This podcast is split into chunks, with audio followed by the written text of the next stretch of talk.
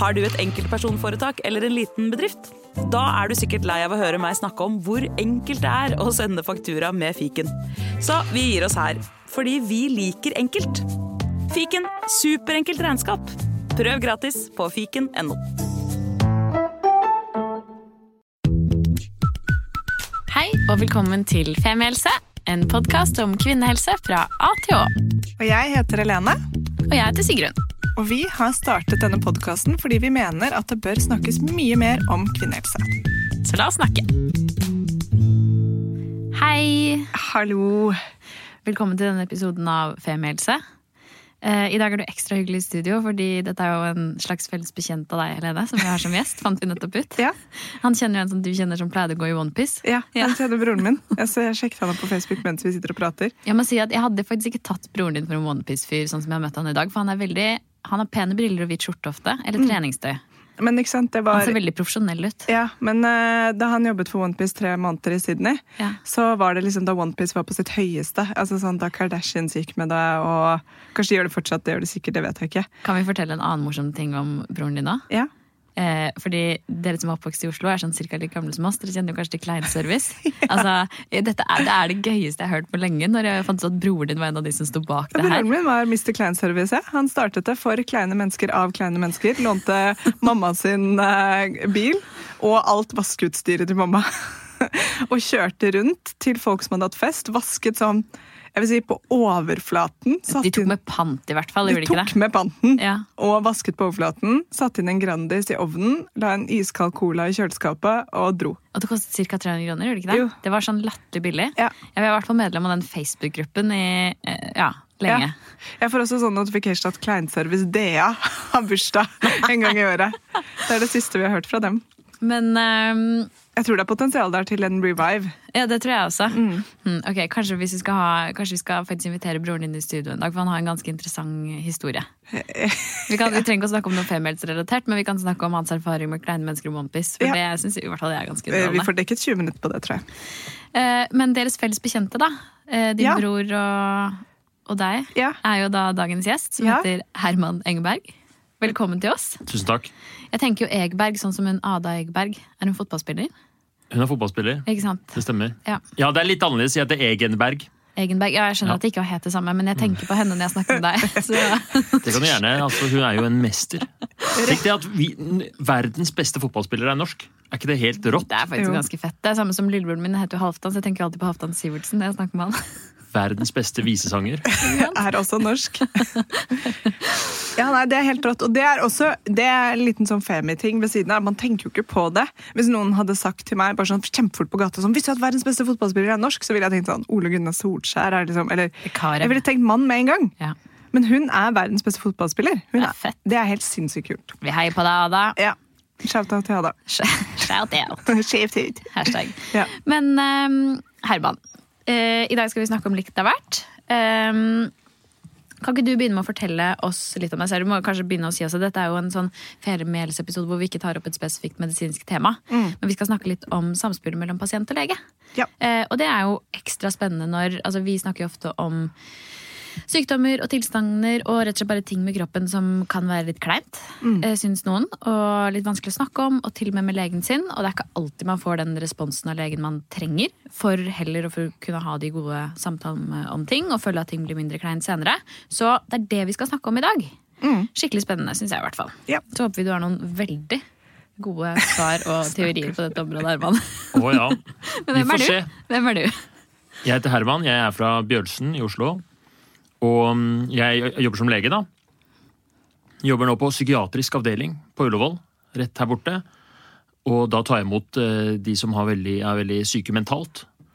Men jeg har også jobba på Ullevål som eh, turnuslege. Jobba på skadelegevakta og på sykehjem og på helsestasjon. Masse forskjellige steder, da.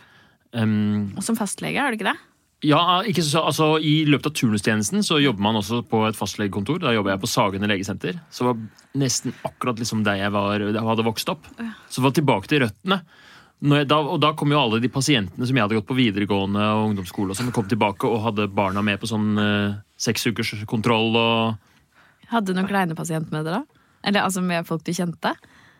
Ja, ja, det var jo kanskje litt kleint, kanskje. Det var sånn hyggelig, og hei, er det deg? Også, men det var veldig mange ganger var sånn, hvor er det vi kjenner hverandre fra? Og så var det fra enten videregående eller, eller ungdomsskolen, da.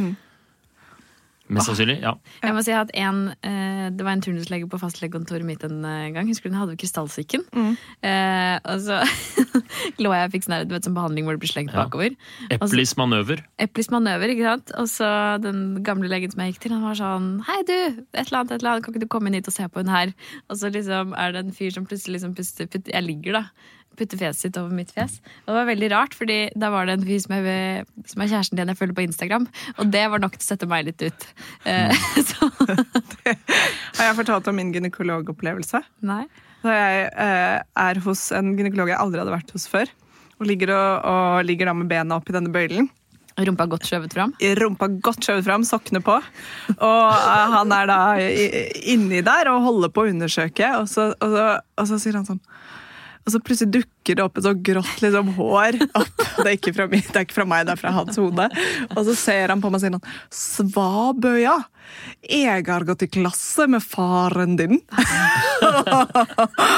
og jeg lå der og bare Åh, fortell meg, fortell Tatt på meg trusa før du sa det? Eller hva, hva tenker du? kan vi ta dette litt sånn etterpå? Og skal vi fortelle hvordan han og pappa hadde gått sammen på sånn realskole eller et eller annet i Bergen. Og jeg bare Og så ah, fortalte han hvordan du kunne behandle disse kjønnsvortene. Nettopp. Ja. Med kraftig avskrapning.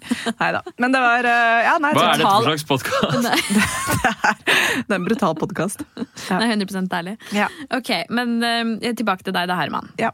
Ja. Så du har uh, vært innom og jobbet på masse forskjellige steder innenfor helsevesenet. Det er bra du tar og sier det, sånn at vi ikke Ja, ikke sant? avsporer altfor mye til fjas. Um, men så driver du også en podkast. Ja, jeg har en podkast som heter Motiverende intervju. Hvor jeg um, Motiverende intervju er en sånn metode vi lærer på legestudiet for å hjelpe, eller motivere pasienter til å gjøre endringer hvis de vil det. da. F.eks. slutte å røyke, trene mer, alle disse helserelaterte endringene. Og det er en ganske sånn kul metode. Eh, ganske smart. og litt sånn ikke intuitiv, da. Um, og den ble jeg så interessert i på studiet, sånn at da jeg var ferdig, så lagde jeg en podkast om den, hvor jeg intervjuer tilfeldige folk eh, som har et eller annet problem, og så bruker jeg den metoden for å motivere de til å løse det. da. Så det er den, ja, ikke sant? Var ikke det gøy eh, idé? Jo, veldig. Hva går metoden ut på? Det er jo en litt sånn komplisert metode. Man har jo lange ukeskurs for å lære alle nyansene med det, men sånn helt kort fortalt så handler det om at hvis du skal motivere noen, så eh, hjelper det ikke så godt å gi råd. Selv om det er det alle tenker at det er lurt, eller det som er veldig naturlig for oss. som Hvis, man, eh, hvis en eller annen person kommer til deg og sier sånn 'jeg har lyst til å slutte å røyke, kan du hjelpe meg?' Så vil du, du kanskje si sånn 'da må du laste ned den appen', eller 'du må bare lese den boka', eller 'du burde bare gjøre sånn og sånn'. Ja. Ja? Bare skjerp deg, bare gjør det. Men det som faktisk hjelper, er jo å, at den personen kommer i snakk om det. Så hovedessensen er å ikke gi råd, men å stille spørsmål og holde kjeft. Ok, Så hvis vi tar for eksempel eh, kjæresten min som utgangspunkt for denne samtalen, da. For han har snust i kanskje 15 år. Nemlig. Jeg syns jo kanskje det hadde vært en god idé om han sluttet. Eh, ok, hvordan går vi fram da? Ikke sant? Hvis du vil at han skal slutte å snuse, så må jeg litt skuffe deg, da. At det er eh, dessverre ikke sånn at du bestemmer det. Nei. Så hvis han har lyst til å slutte å snuse, så kan du gi så mye råd eller så presse så mye du vil på, men det vil ikke fungere. Så første du skal gjøre, er å spørre sånn, hva syns du selv? Har du, lyst til å, har du vurdert å slutte å snuse? Har du lyst til det? Det kan det godt hende han har. Det er veldig mange som har lyst til å slutte å røyke eller lyst til å slutte å snuse, men som ikke får det til. Det er gøy å leve. Det er gøy å leve. Det er gøy å snuse òg, sikkert. Så Ja. det, det må du spørre. Men det er en god start. Ja. Og hvis du um, hvis han har lyst til, og hvis du har lyst til å liksom prøve å motivere han til å slutte, og han har litt lyst til det, så er hovedpoenget at du må spørre han om hva er det du, han liker med å snuse, og hva er det han ikke liker med å snuse, og bare få han til å prate om det så mye som mulig. Så Hvis han prater om det i en time, så er det nesten gjort, altså. Og det er viktig å ikke glemme det å spørre om hva han liker med å snuse.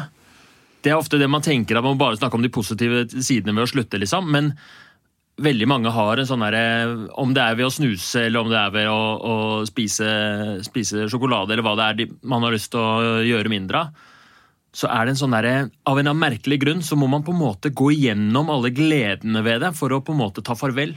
Hvis man skal slutte med noe. Gir det mening? Ja, veldig. Men er dette en metode som også eh, brukes altså når man snakker om medisinske tilstander som man ikke nødvendigvis skal slutte med hvis man kommer til legen sin med et problem? Ja, det er for eksempel um, i, i, på, I podkasten min så er det også noen episoder hvor jeg har laget et kurs sammen med Helsedirektoratet hvor man forklarer det. Og i den ene episoden så snakker vi med en, en dame som har et skikkelig femihelseproblem. Hun har fremfall. Sånn der um, prolaps av, uh, Av livmoren? Og en, en viktig liksom, del av behandlinga av det er å gjøre sånn knipeøvelser. Og men det var liksom, det syntes hun var så utrolig strevsomt å drive med, og hun klarte ikke å få seg til å motivere seg til å gjøre det. Av masse forskjellige grunner. da. Så da hadde vi et intervju, og, eh, og brukte jeg den metoden for å liksom motivere henne litt til det. Hvordan funket det? da? Det funka. Vi fikk en god samtale, i hvert fall. Jeg har ikke fulgt den opp, da. Det må du gjøre, da. Det må jeg gjøre. Hvis du er der ute, kan du fortelle meg hvordan det gikk? Hvordan går det med knipingen i dag? Men tror du dette er en metode som er ekstra nyttig, eh, eller kan være ekstra nyttig når det er snakk om liksom, ting som er vanskelig å snakke om? Eller kan bidra positivt inn i det? Jeg tror det er veldig nyttig for Altså Det er jo mer for helsepersonell å kunne kommunisere godt. Og i den motiverende intervjumetoden så er det mye av, mye av det man lærer, er jo å lytte på en god måte. Og, og gi pasienten plass. Og, og lage liksom en god relasjon og lage gode rammer for samtalen. Og det er kjempeviktig i, i de situasjonene der over, hvis det er noe som er flaut eller noe som er kleint. da. Ofte hvis legen tar en mer sånn autoritær rolle, så kan det i hvert fall bli vanskelig. Er det fort gjort at man føler seg litt sånn dum, og at man føler at man ikke helt slipper til, og at det er vanskelig å si kanskje det som egentlig er det viktige å, å få fram da, i den konsultasjonen. Jeg syns dette er sjukt interessant, fordi en ting jeg diskuterte med min samboer da vi var på ferie nå, så diskuterte jeg nettopp dette med å gi råd. Uh, og da sa jeg at jeg hadde hørt noen, en filosofisk ting. Dette er sånn jeg forteller og tar kilder ut ifra. Hadde hørt noen filoso en filosofisk retning som sier at du kan aldri egentlig gi et godt råd. Fordi du tar utgangspunkt i deg selv, og du tar utgangspunkt i på en måte akkurat det du ser der og da. Det, jeg tror ikke det er så ekstremt. Jeg tror du kan gi gode råd. Jeg tror det er litt, litt sant. Men det er noe sannhet i det, fordi veldig ofte Ok, jeg har hatt IBS i mange år. Jeg er mye bedre nå. Men hvis jeg sa til noen at jeg hadde mye vondt i magen Irritabel tarm Uh, Ja, irritabel tarmsyndrom. Og da fikk jeg alltid sånn Har du prøvd? Ikke sant? Jeg fikk råd med en gang. Og eh, da ble jeg irritabel hodesyndrom. Jeg ble klikka for meg. fordi ja, selvfølgelig har jeg prøvd å kutte ut gluten og introdusert det igjen. Ja, jeg har gått på FODMAP. Ja, jeg har sluttet på det. laktose. Ja, jeg har gjort alt du kan tenke deg å gjøre. Og, der, og jeg opplever jo det selv også hvis jeg møter noen som har, eh, som, er, som har et eller annet problem, og jeg går rett i råd, så får jeg jo veldig sjelden den Hm, det hadde jeg aldri tenkt på før. Det kan skje, men da må jeg vite at da må de komme med noe som er så spesifikt og lite, og som jeg vet løsningen på. Ja, eller at noen trenger bekreftelse. Ja. For det er jo ofte litt det det kan handle om. da, føler jeg, At man liksom bekrefter noens bekymring eller problem på en eller annen måte. Ja, ikke sant? Men hvis jeg mener sånn der råd, hvis du sier sånn der, ok, men jeg har fått uh, Jo, jeg skjø- jeg skjønner hva du mener. Ikke sant? Og så kan du si sånn, ok, men du må kjøpe akkurat den kremen, for det funket for meg. Så bare, åh, takk, det var et bra råd. Men generelt sett, det med motiverende samtale er egentlig mye Jeg liker tankegangen veldig godt, da, fordi veldig ofte når, når jeg i hvert fall lufter et problem, så har jeg et behov for å prate om det. Jeg har ikke et behov for å få liksom Da må du gjøre sånn og sånn og sånn. Og veldig ofte så har jeg i hvert fall kvernet mye på problemet, tenkt mye selv. Prøvd og mye, Prøvd Prøvd bra. mye, da. Mm. Og så blir jeg bare sur når jeg da blir avfeid med litt sånn Ikke nedlatende, for det er det jo ikke, men Men det er akkurat det. Det Ja. føles som å bli avfeid eller avvist eller ikke hørt Ja. når, det, når det rådet kommer. Men det er ikke så lett, og det kjenner dere sikkert igjen, at når man har, har en sånn samtale, når du snakker med typen din om snus, eller hva slags samtale det, det nå er, så er det nesten som en sånn refleks. Og i motiverende intervjumetoden så kaller man det det, en korrigeringsrefleks. Hvor man, hvor man hører pasienten snakke om et eller annet, og bare får den ideen om at alt hadde vært løst hvis du bare hadde gjort sånn og sånn, fordi man har, hørt, eller har den erfaringen selv. Og det er så vanskelig, det er en stor del av øvelsen liksom, er å holde den refleksen tilbake, og ikke gå i fella liksom, og gi det rådet.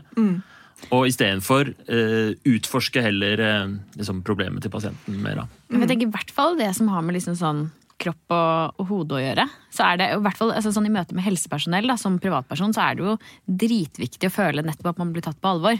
Og hvis man da føler at det er nedlatende, så er det jo veldig, det er veldig dumt. Nå, jeg er gravid, og når jeg, jeg gikk til fastlegen min og så sa jeg sånn, jeg syns ikke det er noe gøy å være gravid. Eh, og så sier hun da det er helt normalt. Eh, så var jeg sånn ja, men jeg, jeg, altså, jeg, jeg syns ikke dette er noe hyggelig. Så sier hun ja, men det er helt normalt. Og, så, og det var det hun sa. Og så var jeg sånn ok, greit, ha det. Og så går jeg på helsestasjonen, og så sier eh, jordmoren det bare sånn Um, så sier jeg akkurat det samme. Jeg syns ikke det er noe gøy. Jeg synes ikke det er, Dette er ikke noe hyggelig. Og da sier hun eh, Hun sier ikke så mye, men hun spør å ja, ok, kan ikke du fortelle litt mer om det. Hvorfor det? Du, hvor lenge har du følt det sånn? Har det utviklet seg? Sånn, Uten å konkludere med noe, men jeg går jo derfor og føler meg 10 000 ganger bedre for, bare fordi man blir hørt. Og det er jo litt det det handler om òg. Uten da å konkludere og på en måte mene noe om ting. Så det er eh, Jeg skjønner veldig godt hva du mener. Ja. Mm. det var, synes jeg var et kjempegodt eksempel på det der med at Jeg tror mange leger særlig føler at de er nødt til å komme med løsninger og svar og konklusjoner hele tiden. Det er liksom ligger litt i rollen. Men det, eh, hvis de klarer å holde tilbake altså Nå fikk du jo en dårlig opplevelse med legen pga. det. Det har vært bedre å stille spørsmål. Ja. Men det har vi snakket mye om her i Femihelse. Dette med eh, i hvert fall liksom fastlegen eller veldig mange spesialis spesialiserte legers behov for å fikse problemet. Raskt og komme fort til løsning. Det, er, det har vi jo snakket om i flere settinger. I stedet for å på en måte se på spesielt hele kroppen eller litt mer holistisk perspektiv. Altså, eh, og ikke bare hoppe rett til løsning, som kan bli feil da, i mange situasjoner. Og det er jo eh, veldig synd. Ja, og det med når man hopper rett til det er normalt. Altså, da, det, det, det klikker jo ikke noe på plass i hodet da. Men min eh, terapeut Glenn, som er eh, gestaltterapeut, han gjør en ting som jeg syns er sjukt digg. Hvis jeg kommer til han og har opplevd noe som har vært veldig vondt eller traumatisk, så først så snakker vi litt om det, og han stiller selvfølgelig gode spørsmål, for det er det han er god på. Men så sier han også veldig ofte, han avslutter ofte med, men Helene, du har vært gjennom ting før. Eh, og du lander på bena. Det er jeg helt sikker på at du gjør. Dette her håndterer du, det vet jeg at du gjør, fordi jeg kjenner deg. Og det er også den derre eh, Jeg vet ikke om det tilhører liksom motiverende samtale, men det å få en sånn 'Jeg har troa på deg. Dette greier du.' Det er vanskelig. Du er oppi noe som er tøft nå. Um, men jeg er sikker på at du får det til. Synes jeg også i hvert fall er Istedenfor sånn 'oi, shit, ja, det blir vanskelig', så er det sånn 'men dette greier du'. Det er også en veldig god avslutning, en sånn god avrunding på en samtale. Så Dere burde holdt kurs i motiverende intervju, for det er helt sånn nøkkelpoeng. akkurat det der. Og for det første, To ting ved den, det du sier der. Da. For det første så har dere to bygd opp en sånn relasjon over lang tid. Jeg merker jo at dere har, må, måten du snakker om han, så kjenner dere hverandre godt. Og, og dere har en sånn god eh, terapeutisk relasjon. Og det han sier på slutten, det er at han, han trekker fram erfaringer du har hatt tidligere. Og det klarte du. Se på det. Jeg er sikker på at du klarer det neste. Han på en måte retter fokuset mot ikke mot ditt liksom, problem eller håpløshet, eller noe sånt, men mot din mestringsevne eller mestringsfølelse, og bygger opp den. da. Han tar noe, et, kanskje til og med bruker et konkret eksempel fra tidligere, og så bygger han opp det og bruker det for å liksom, skape motivasjon eller skape en god følelse. Hørtes veldig bra ut. Altså. Ja, det er kjempebra. Og, og ikke til forkleinelse for min kjære, kjære mor, for hun er veldig, glad, veldig god venninne av meg. Men da jeg skulle tilbake igjen til um, Jeg hadde slått opp med min samboer i Stockholm. Og så sitter jeg, jeg har vært hjemme en helg, og jeg skulle tilbake igjen til Stockholm for å pakke ned leiligheten min. Det er jo ikke en veldig kul uke jeg hadde foran meg der. Og så sitter jeg i bilen, og jeg skal gå av og inn på flytoget, og så sier mamma uff, nå har du en tøff uke foran deg, jenta mi. Men ring meg hvis det er noe, jeg er her. Ja, det er ikke selvfølgelig svart. Slik, det kan bare gå i svart mellom mor og datter. Hvor jeg klikker og sier sånn Nei, det er ikke en tøff uke! Det kommer til å gå bra! Jeg greier det! Men jeg syns egentlig det var ganske fint sagt. det var kjempefint sagt og Ja. super medfølende. Og det er- jeg skjønner at min, min, altså, meg og mine følelser er ikke lett for andre å navigere i heller. Men uh, i den situasjonen så kunne det vært vært sånn jeg går av gårde inn på flytoget alene med den lille trillekofferten min og skal gjøre noe som er jævlig tøft. da. Ja. Så hadde det også vært sjukt digg å få sånn men du greier dette her. Du er så tøff og flink, og dere, er liksom, dere løser dette på en bra måte. Og jeg, jeg har troa på at dette her kommer til å gå fint, Helene, og det kommer til å bli bedre. Så det er noe med den der medfølelse og råd versus liksom eh, stille spørsmål og lytte, og så motivere litt på slutten. da. Ja, jeg, føler, jeg føler meg litt sånn livsinspirert av det du sier, Herman. Mm. Eh, ta det til deg. Men eh, altså sånn Ja, For Sigrun blir ikke fort livsinspirert. for å si Sånn. Det er, Det er unik tilstand. Jeg er ikke så blid så ofte. Men ehm, det jeg skulle si da, var at eh, jeg syns det er veldig spennende liksom, det, hvordan du har forsket på måte, møte mellom pasient og lege, og liksom, dette motiverende intervjuet. Men jeg tenker det er sykt mye vi kan lære av det i dagliglivet vårt og i talen vår, og ikke minst når det er snakk om altså, femihelsa vår, og hvordan vi skal snakke om det på en åpen og naturlig måte. Og at noe av det viktigste vi gjør som medmennesker, i hvert fall, er jo nettopp bare det å tørre å spør stille spørsmål. For da trenger man ikke å mene så jævlig mye om ting alltid heller, for det er jo litt det det handler om. at liksom sånn, Uansett hvor ubehagelig eller kleint eller rart det som møter deg er, så er det også Jeg tenker det er noe fint i den, den åpenheten rundt det, da. Og i hvert fall den innstillingen at liksom Jeg er ikke deg. Jeg vet ikke hva du trenger nå. Jeg vet ikke Altså bla, bla, bla. Men, men når noen kommer til deg, så har jo de for jeg er helt enig det du sier, Sigrid, men når noen kommer til deg eh, eller til en lege, så har de jo allerede kommet til det skrittet at de går til en lege. Og jeg opplever jo kanskje mer for oss da som ikke er leger, at vi møter jo mange som ikke gjør det som går rundt og, og uh, har vondt i ryggen eller sliter med liksom, en eller annen form for mageproblem. hvor man liksom hvordan kan man ha en motiverende samtale med noen for å få dem til å gå til legen? Altså, hva, hvordan, hvordan, utforsker man det universet litt? Eller oppsøke hjelp. Eller oppsøke hjelp, rett og slett. Ja, gjerne, gjerne psykiske problemer gjerne om også. psykiske problemer, eller om illeluktende utflod. Eller, ja. jeg tenker sånn, Å gå til legen med vondt i ryggen er jo kanskje ikke den høyeste terskelen for alle. Men overraskende mange som sliter med det lenge, og som bare humper seg rundt i hverdagen. Men det er ikke den høyeste terskelen, jeg er helt enig. Ja. ja. Okay. Hvordan, hvordan, man får en person til å gå til legen. Ja, hvordan, legen. hvordan, bruker du teknikken, eller kan man bruke teknikken? Hva slags spørsmål ville du da stilt? Hvordan utforsker du det? Jeg synes bare, eller... Ja, fordi det er nettopp det er akkurat en type situasjon da, hvor det er fort gjort å si sånn Ja, men bare gjør det. Bare gå ja. til legen og mm. komme med råd. Liksom. Du kan gå til bytte min fastlege, han er dritfett. Mm. Eller bare gå til Olafer-klinikken, de er oppe da og da. Mm. Jeg tar meg jo sjæl i å gjøre det òg. En i mitt mannskor, Birkelund mannskor. Mm. Eh, jeg kan jo ikke si hvem, selvfølgelig. Det er der jeg har deg fra, vet du. Du er kjent. Jeg har vært på mange Birkelund Mannsgård-konserter, og jeg følger dere på Instagram. Og da gikk den opp. Deilig. Ok, Sikkert dere kunne slutte å stirre på Herman før nå. Ja, ja okay. Nemlig. Ja. Men uh, det var da en i koret som vi, Det er jo veldig vanlig at en i koret har et eller annet symptom, mm. og så er det en av korets leger som må Men i hvert fall så var det en som hadde eh, hadde mistanke om at han kanskje hadde en kjønnssykdom. Mm -hmm. Og dette er dårlig reklame for koret, men jo altså, Eller er det litt god reklame? Ja, ja. Kanskje god reklame Ja, jeg syns det. Det er litt Bad Boys-tempel på koret. Ja. Og i hvert fall så, Da gikk jeg rett i fella og bare så, ja, men bare dra til Olafia, de er oppe sånn og sånn. og så Istedenfor burde jeg spurt det rådet mitt til deg, som vil at når, når du skal hjelpe noen å, å, oppsøke hjelp, er jo å spørre hvorfor har du ikke gjort det? Hva, hva er det du tenker er skummelt med det? Mm. Hva, hvorfor har du lyst til å gjøre det? Hva er det liksom Utforske den ambivalensen. Det er spennende. Ja, Det er liksom det som er nøkkel, eh, nøkkelting nummer to eller tre. Jeg vet ikke hvor langt vi har kommet i hva som er motiverende intervju, men en av liksom nøklene det er å utforske ambivalens.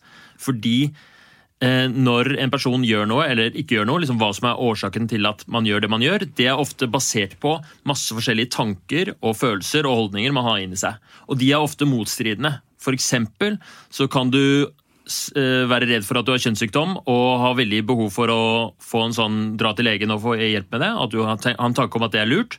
Men samtidig så har du vært der en gang før, og det var litt sånn kleint og flaut å sitte på venterommet, så du har ikke så lyst til å gå inn den døra. Og så kanskje vet du ikke hvilke, om du skal gå til da eller da. Og det er liksom masse forskjellige tanker og holdninger. Og jo mer liksom rotete og kaotisk det er inni deg, da, så er det vanskeligere, så blir det liksom, da blir resultatet apati. At man ikke gjør noe. Men hvis man får sortert det, så kan man kanskje se at ok, fordelen er det og det og det, ulempen er det og det og det. Det kan jeg leve med. Da gjør jeg det. Mm. Og Det er ofte liksom metoden for å motivere noen, er å liksom få sortert og utforsket liksom alle fordelene og ulempene og alt liksom gørra som, eh, som er der. Mm. Det er kjempeinteressant. Men um ja, ikke sant. Så det å være litt sånn åpen, nettopp hvis noen vegrer seg for det, også der, om hvorfor eh, mm. du ikke har, har gjort det ennå, i hvert fall, er jo litt spennende. Men kan det også hjelpe liksom, å kanskje oppfordre noen til å liksom, ta med seg noen? Veldig. Det syns jeg er en kjempegod idé. Det er eh, Det har jeg tenkt på når, har, når det har vært snakk om femihelse. Det er ofte eh, en sånn typisk jenteting. Det er jo, eh, som jeg erfarte var da jeg eh, jobba på helsestasjon for ungdom for der var det sånn at alle altså På helsestasjon for ungdom så kommer man med spørsmål om prevensjon og p-pille, og alt sånt, og så er det kjønnssykdommer. Og det er fra, fra 13 til litt opp i 20-åra. For de som ikke Alle vet jo det. I hvert fall nå. Ja, i hvert fall nå. Men eh, når guttene kommer til helsestasjon for ungdom, så kommer de alltid alene. Og, eh, men når jentene kommer, så kommer de alltid i flokk. Da kommer det alltid to-tre stykker som inn på, braser inn på kontoret, fniser og ler og, og har med seg dritmasse vesker og sitter på mobiler og snapper hverandre. og det er helt, uh, Men det er veldig hyggelig òg. Du merker at alle er liksom mye tryggere og syns det er veldig ålreit. Uh, Selv om det er liksom kleine temaer som tas opp, så har de liksom venninnene sine med seg. Mm. Det er så mm, Det tror jeg er så lurt. Det er så bra for liksom deres helse at de kan eh, gjøre en sånn setting som ofte kan være kjempe Det er snakk om kleine settinger. da, altså Her er du å være 15 år og skulle til liksom et fremmed sted og gjøre, kanskje gjøre gynekologisk undersøkelse, eller du har en illeluktende utflod. Men at man kan gjøre det liksom med venninnegjengen, det syns jeg var for det første veldig sånn nytt for meg. Jeg hadde aldri sett for meg at man kunne ha med noen til, til legen. liksom. Men eh, det, det syns jeg er så bra. Det syns jeg alle burde gjøre. For det, er også, ja, for det har jeg tenkt på etter at jeg er medlem av en sånn Facebook-gruppe, sånn jente-kvinnegruppe. Og hvor det var en som skrev nettopp det at hun skulle til gynekologen og lurte på om hun kjente ingen i byen. Og om kanskje noen kunne tenke seg å stille som, som anstand, fordi for henne var det så noia å dra til gynekologen. Og da var det en som meldte seg frivillig bare Hei, ja, jeg er pensjonert eh, dame, blir veldig gjerne med deg.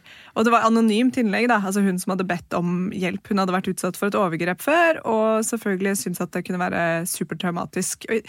Den tanken hadde ikke slått meg engang, men det er jo også noe som hadde kommet fram i hvis jeg hadde hatt en eh, motiverende samtale med en venninne som hadde sagt sånn, jeg tror jeg har en kjønnssykdom, men det får gå sin gang, så ville det mest sannsynlig kommet mer fram. Eh, årsak og at man kunne blitt med, da, hvis du tar den form for samtale.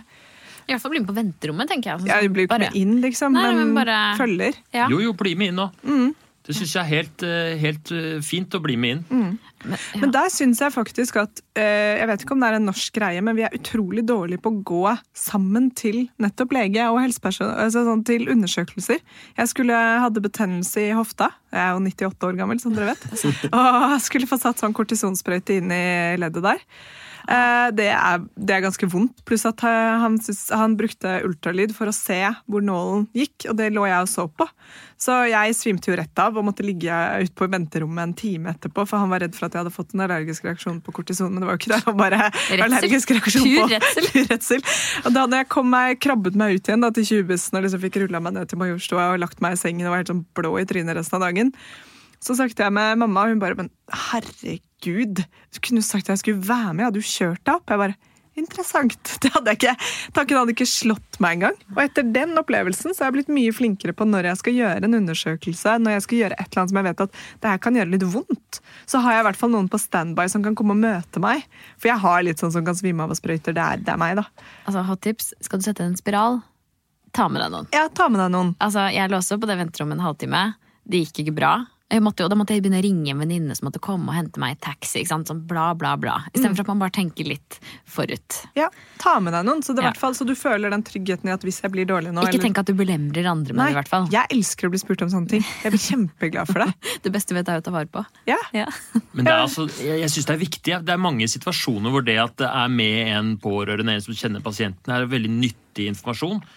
Særlig på nå, nå som jeg jobber på psykiatrisk, da, så er det ekstremt viktig å få Når folk har vrangforestillinger og ikke helt klarer å uttrykke seg. Det, det sier seg selv, men i så mange situasjoner kan det at det er med en ekstra person, bidra til at eh, kanskje den personen stiller et eller annet spørsmål som er litt oppklarende. Eller det er jo mange som eh, enten underdriver eller overdriver symptomene. Og så kan den der eh, venninna som er med, si sånn Ja, men du har jo slitt med det her i mange år. Du må jo få fram Det, er liksom, det er ikke bare noe som har holdt på siste uka. Så eh, jeg tror det er veldig, veldig lurt. Og som, eh, som lege så syns jeg bare det er hyggelig jo flere som kommer jo. All den snappinga kan dere kanskje eh, slutte med, men bortsett fra det. Du burde sette opp en sånn, ta på deg en T-skjorte hvor det står sånn No snaps in Ja, here, jeg er please. ikke helsesista. Men ehm, jeg tenker sånn, for å oppsummere litt, da. At eh, eh, vi alle kan ta med oss litt motiverende intervju inn i hverdagen. Og at det er nummer én. Og ikke minst det minst, at ehm, jeg håper at mange helse, eller mye helsepersonell får med seg metoden din. For det er jo litt vanskelig som pasient å fortelle legen sin at jeg trenger at du stiller eh, flere åpne spørsmål om dette, og ikke mener så mye om at jeg har det helt normalt. Um, men jeg syns det er noe veldig eh, godt i hvert fall, i å, i å tenke på den måten i, om møtet mellom lege og pasient. Kan du, Hvis noen nå sitter og hører på og de har lyst til å lære mer om dette, hva, hva på podkastepisoden hvor du har laget et kurs om motiverende intervju, hvor finner man den? Er det som en episode hos deg? Ja, Den ligger både som episoder hos meg, så hvis man ser på Motiverende intervju-podkasten, Ja. så, så finner man den. Men den ligger også som en egen podkast som heter Podkurs i motiverende intervju.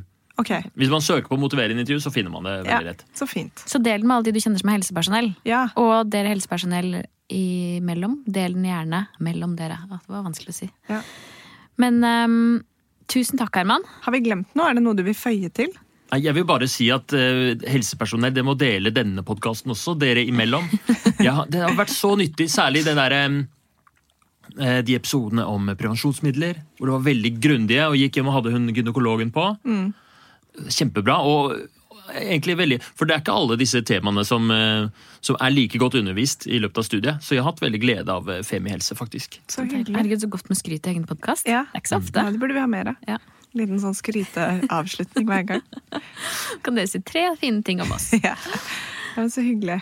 Men um... Og det som er kult med din ting til, Ja. at der ligger det masse motiverende intervju på forskjellige temaer. Så man kan jo høre på hvis du har noen i nærheten som sliter nettopp med bekkenbunnsplager, eller om det skal være slutt å snuse eller slanke seg, så kan man høre på de og få litt sånn innspo da, til hvordan man kan ta samtalen. Ja, Man kan velge å vrake. Ja. Så fint. Tusen, tusen takk for at du kom på besøk, Herman. Tusen takk, det har vært kjempegøy å snakke med dere. Ja, Det er koselig. Ja. syns vi òg. Ha det. Vi snakkes neste uke, eller i en annen episode. Ja, det gjør vi. Ha det. Tusen takk for at du hørte på podkasten vår. Selv om det forhåpentligvis kommer tydelig frem, så vil vi understreke at vi ikke er helsepersonell. Ja, så som vanlig, kontakt legen din om du har noen spørsmål, eller om du skal begynne på noen form for behandling. Og har du et tema som du har lyst til at vi skal snakke om, eller noe ris eller ros, så send oss gjerne en melding på Facebook eller på Instagram. Der finner du oss under Femihelse. Og du kan gjerne rate oss på iTunes, det er skikkelig hyggelig for oss. Ha en fin dag! Ha en kjempefin dag!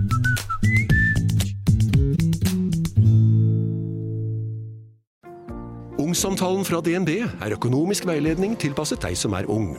Bokk en ungsamtale på dnb.no. slash ung. Det er kjempebra hvis du skal inn på boligmarkedet, hvis det er drømmen din, liksom. Det er det du skulle sagt. Og så kunne du ropt litt mer, da, sånn som jeg gjorde. Bam! Åh,